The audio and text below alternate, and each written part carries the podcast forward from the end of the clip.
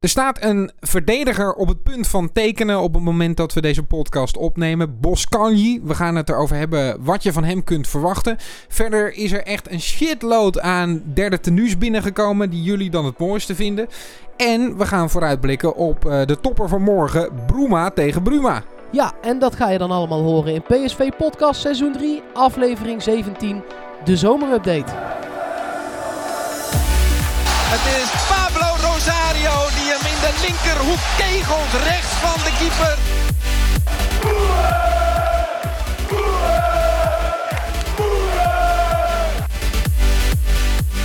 Daar is dat jagen van Lozano dus heel erg goed. 2-0 voor PSV. Luc de Jong komt er binnen uit de voorzet van Brenet.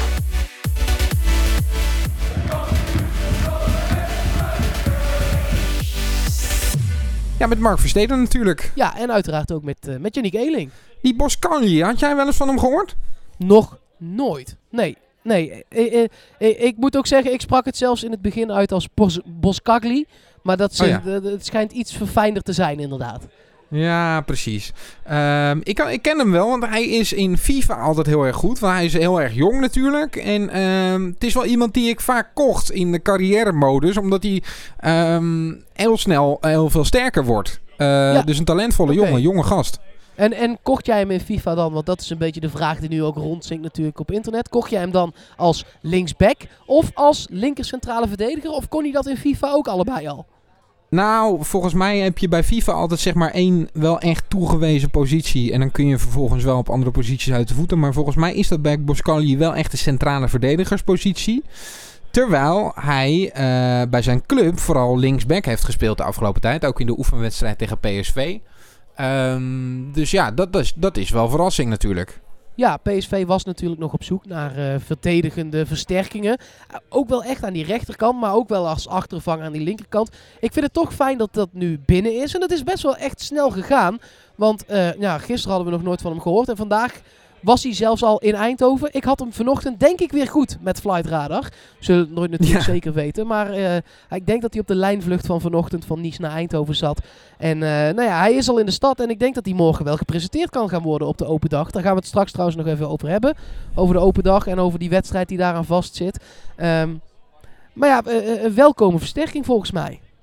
Ja, um, moeten we maar eens even naar onze analyticus Platte Kar gaan, denk ik. Want die is gelijk ook natuurlijk weer in de cijfers gedoken. Want ja, we kunnen allemaal wel een gevoel hebben bij een speler. Maar het is natuurlijk goed om dat te onderbouwen met, eh, met cijfers en met statistieken. Um, Platte Kar over onze aankomende aanwinst, Boscanli. PSV was al eventjes op zoek naar een uh, speler voor de backup. Voor zowel linksback als een linker centrale verdediger. En op het moment dat we dit opnemen uh, nou, lijkt erop dat hij er mogelijk gaat komen. Eentje met potentie nog wel. Uh, mooie verhalen over hoe hij ontdekt is. Ik uh, las in ieder geval op Twitter dat ze hadden nog nooit van hem gehoord. En toen kwamen ze hem opeens tegen bij, bij een oefenwedstrijd tegen Nice. En toen zei ze, nou ja, doe mij die maar. Kijk, zo valt hij soms in je schoot. En een ander mooi verhaal was dat nou ja, John de Jong, die ging gewoon uit eten ergens. En die bestelde een bordje pasta pochali een Bosciali. Uh, en waar hij spaghetti met paddenstoelen, spekjes en witte saus had verwacht, stond er opeens een linksback uh, aan zijn tafel. Uh, super handig. Bizar, hadden ze net nodig. Maar wat verder van deze theorie ook zei, met 39 jeugdtitelans voor Frankrijk zullen er bij PSV al best wel wat rapportjes hebben gelegen voordat ze hem tegenkwamen in de wedstrijd tegen Nice. Nou ja, die, en daarbij zullen ze wel het een en ander gezien hebben. wat wel interessant is bij hem is hij, ja, hij is 1,81 meter. Uh, daarom kan hij als linksback ook als linker centrale verdediger. Want als je bijvoorbeeld uh, Angelino, Taliafico of Malaysia als centrale verdediger neerzet, dan krijg je koptechnisch wel een probleempje, denk ik. De, sommige backs zijn wel wat korter. Uh, nou, we gaan even een analyse doen van uh, Boschagli. Hij is 21 jaar. hij is, heeft niet altijd basis staan bij Nice. maar we gaan hem even vergelijken met een andere back die in Frankrijk heeft gespeeld. Aan de Nederlandse ze vaak iets aanvallender. De backs zijn in Frankrijk, dus dan krijg je wat scheve vergelijkingen. Uh, dat is wel leuk, want ook uh, Pieters heeft in uh, Frankrijk gespeeld. En die heeft ook, nou ik weet niet of dat zo is. Die is ook in verband gebracht met PSV deze, deze transferperiode. nou, dat is een leuke vergelijking. Nou, als je, we ze naast elkaar leggen dan uh, blijkt Pieters verdedigend lijkt hij wel een stuk beter. Hij wint veel meer uh, duels dan uh, Boshagli. Ook al is hij ook wel goed in de duels hoor. Maar, maar Pieters is wel aanzienlijk beter. En hij is ook een meer fysieke verschijning dan, dan onze mogelijke nieuwe aanwinst. Aan de bal is het anders, echter andersom. Daar lijkt de de jonge Fransman lijkt daar aanzienlijk beter. Die heeft uh, veel betere forward passing en, en, meer succesvolle dribbles. En dat is denk ik wel fijn voor als je dominant voetbal wil spelen. Met name in de eredivisie. En bovendien is hij natuurlijk veel jonger dan Pieters. Waardoor hij nog meer potentie heeft.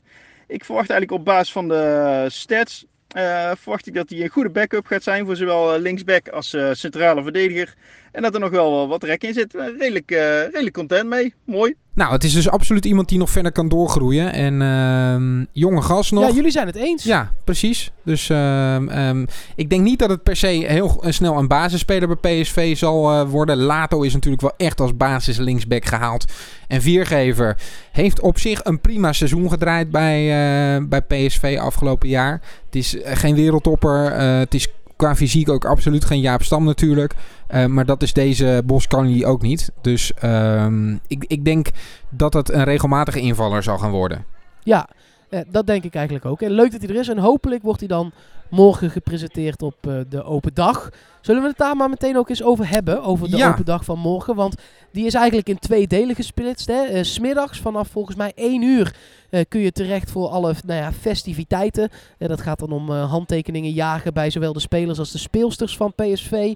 Ehm, dat gaat om springkussens, dat gaat om een schietspel. Alle sponsoren en partners zullen daar met eh, een steentje wel aanwezig zijn ook. Ik was vandaag heel even bij het stadion en eh, ik heb een rondje gelopen en de, verbouwingen waren echt eh, in volle gang. Zowel bij de PSV fanshop aan die kant. Daar hing namelijk nog een foto van de, van de selectie van vorig jaar. Die hing nog op de gevel. En die sticker die waren ze er nu toch maar af aan het krabben. Daar zal ongetwijfeld voordat het morgen is de nieuwe sticker op komen te plakken. De, de, de springkussens die werden al eh, half opgeblazen om te kijken of het allemaal ging passen.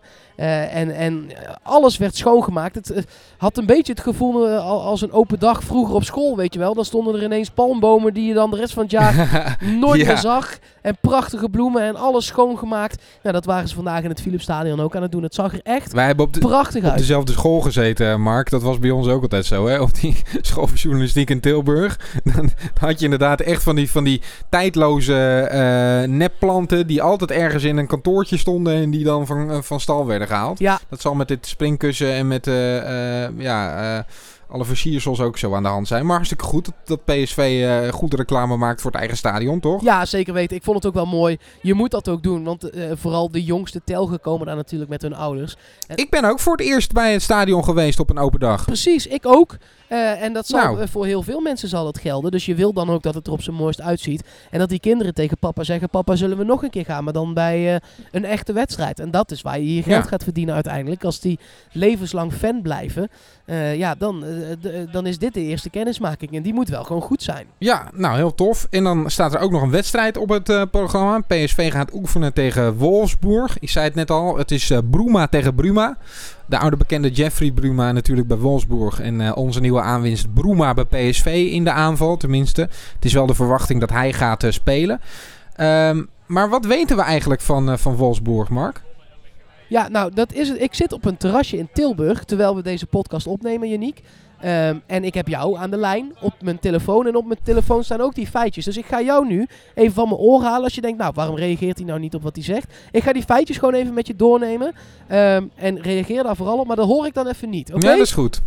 Oké, nou komt ie. Dan, dan eh, pak ik dat er gewoon nu heel even bij op mijn telefoon. Eh, Wolfsburg is eh, voor ons natuurlijk nu voornamelijk inderdaad, je zei het net al, bekend van eh Bruma die er speelt. Of ja, Bruma. Wij hebben Bruma. Eh, Paul Verhaag van Twente en Bazoer naar Vitesse, die zijn net weg daar. Speelden daar ook Nederlanders. En Wout Weghorst loopt daar natuurlijk nog altijd rond. Hij met eh, Luc de Jong, die net bij PSV is vertrokken. Toch grote concurrent wel voor de super sub pinch hitter plek in het Nederlands elftal. Dus dat is misschien ook wel leuk om daarop te letten als hij tegen PSV moet spelen. PSV heeft al een aantal oefenwedstrijden gehad, maar dat heeft Wolfsburg ook. Eh, Hansa Rostock en eh, het Franse Kaan. Het werd twee keer 2-1 gewonnen door de Duitsers. En eh, er is ook al geoefend tegen VVV.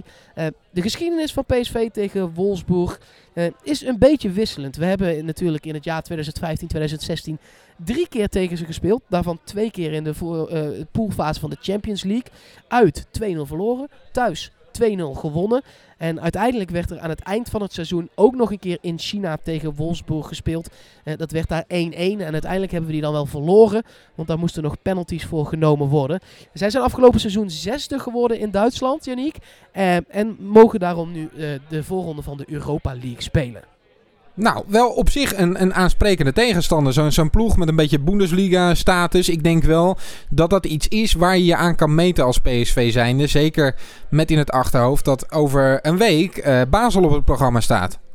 Ja, meer dan aan de tegenstanders die we tot nu toe hebben gehad. Dat gevoel heb ik ook, zeker. Ja, ja zeker. Aris Saloniki was natuurlijk gewoon een opwarmertje om even een winstpartij te pakken. Uh, dat wist je. Die hadden ook al verloren van bijvoorbeeld Fortuna.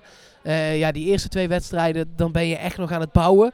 Dus dit is wel de eerste echte krachtsmeting om te kijken hoe PSV ervoor staat. En om de automatisme die je toch de afgelopen drie weken erin hebt proberen te slijpen als Mark van Bommel zijnde. Of dat een beetje is gelukt op de ja, training. Ja, ja, ik denk ook dat we weer veel kunnen uh, zeggen over wat er voor opstelling staat.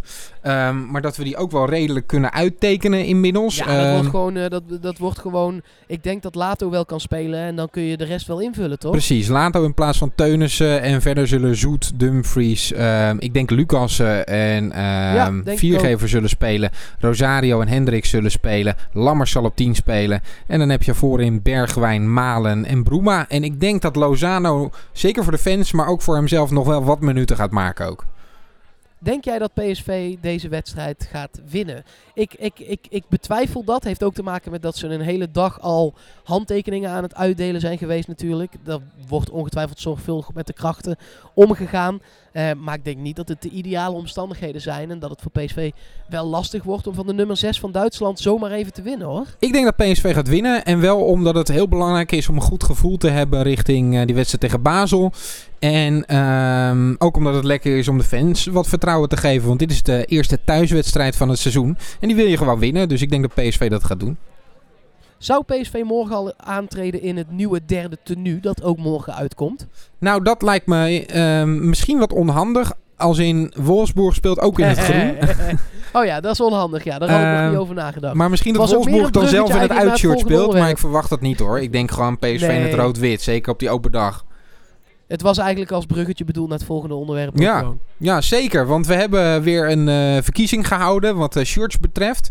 Er zijn ontzettend veel reacties gekomen op onze oproep. Uh, met de vraag wat jullie de mooiste derde tenues vinden. Echt super Ja, als je dan wil weten wat jij, uh, Yannick en ik hebben gekozen, dan moet je heel even de podcast van gisteren luisteren, aflevering 16. Daar houden wij allebei een pleidooi voor ons favoriete shirt. Ja. Uh, maar ik moest zeggen, de, ik, ik vond iedereen toch redelijk eensgezind wel. Nou ja, bij far het meest binnengekomen shirt in ieder geval het Champions League shirt 2015-2016. Dat is dat tenue waarmee we Atletico uitspeelden bijvoorbeeld in de Champions League, tweede ronde. Dat is dat uh, zacht blauwe Umbro shirt met in het witte letters Philips erop. Daar zijn echt de meeste reacties over binnengekomen. Leon van Delft zegt bijvoorbeeld gewoon mooi en nostalgie. Elro Ottenhoff kiest onder andere voor dit shirt. Hij had er twee ingestuurd. PSV underscore fanaat stuurt dat uh, in.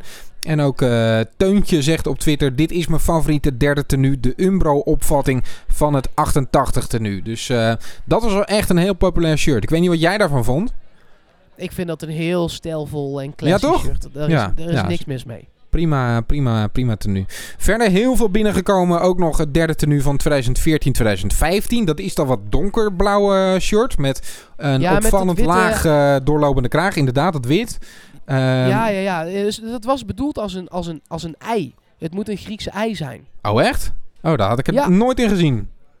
Ja, het moest, een- het moest een, een, een eikraag, heet blijkbaar zoiets. Ja, ik ben ook wat dat betreft wel shirtjes fetischist, maar geen kledingkenner. Nee. Maar dat schijnt dan een eikraag te heten. Nou, ik vond het altijd wel een beetje als een soort kimono eruit zien. Het is zeg maar Ja, een kraag die helemaal tot over je borstbeen eh, loopt. En zeker als Jisung Park hem dan aanhoudt. Want die speelde in dat shirt in zijn tweede periode bij PSV. Dan deed me dat daar wel vaak aan denken. Ook de Pai en Wijnaldum hebben dat shirt nog eh, aangehad.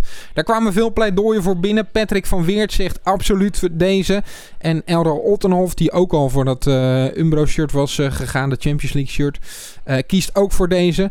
Dus we kunnen wel zeggen, Mark, dat blauw de voorkeur heeft op basis van ons eh, niet representatieve onderzoek.